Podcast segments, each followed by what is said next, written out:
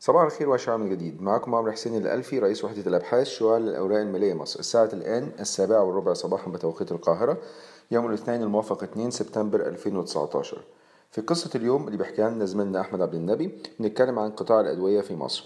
ممكن لو بصينا على حوالي تسع شركات المدرجة في السوق المصري من حيث طبعا قطاع الأدوية أو صناعي الأدوية.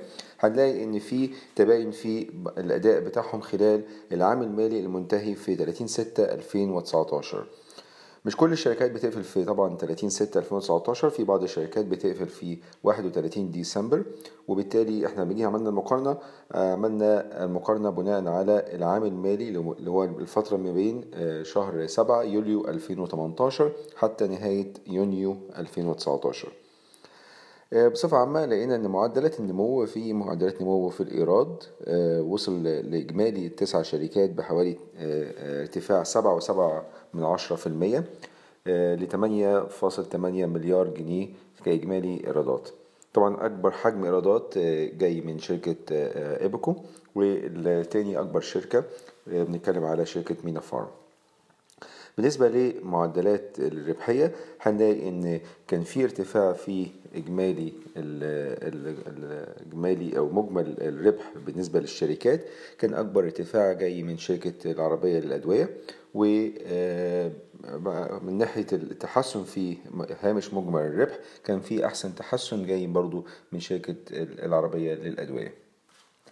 لو بصينا على الأرباح بتاعة الشركات المجمعة هنلاقي إن الأرباح كلها مجمعة طلعت حوالي 982 مليون جنيه وده انخفاض سنة على سنة بحوالي 2% يمكن كان أحسن تحسن في الأرباح جاي من شركة النيل للادويه اللي تحولت خسائرها لربحية في العام المالي اللي هو منتهي في 30 6 2019 من حيث هامش الربحية أو صافي الربح إن أحسن تحسن كان من شركة منفس ولكن ما زالت الشركة بتخسر ولكن بتخسر أقل دلوقتي بتخسر حوالي خمسة في المية من حجم إيراداتها.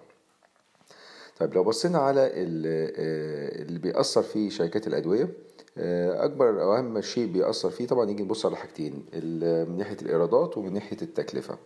من ناحية الإيرادات يمكن بقالنا فترة ما شفناش أي ارتفاع في أسعار الأدوية وبالتالي ده وعارفين إحنا أسعار الأدوية بيتم تسعيرها من قبل لازم يكون موافقة من وزارة الصحة ولجنة التسعير والناحية الأخرى ناحية التكلفة شفنا ارتفاع طبعا تكلفة الإنتاج والتكلفة التشغيلية بصفة عامة لصناع الأدوية.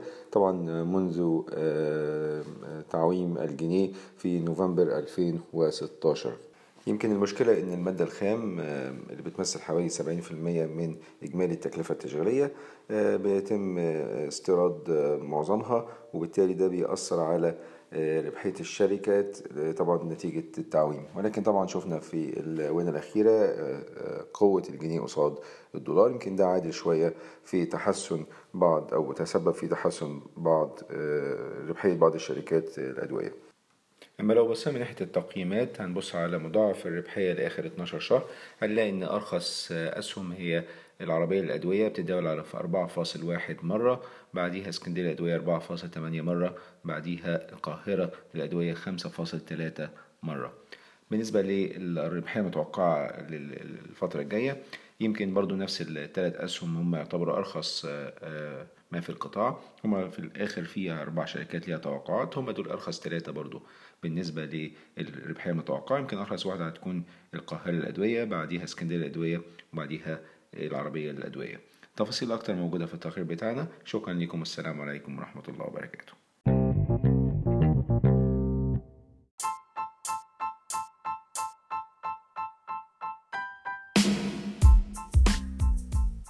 إن هذا الملخص الصوتي هو لأغراض المعرفة فقط ولا يمكن اعتباره عرض شراء أو بيع أو إدارة استثمارات أو خدمات استشارية.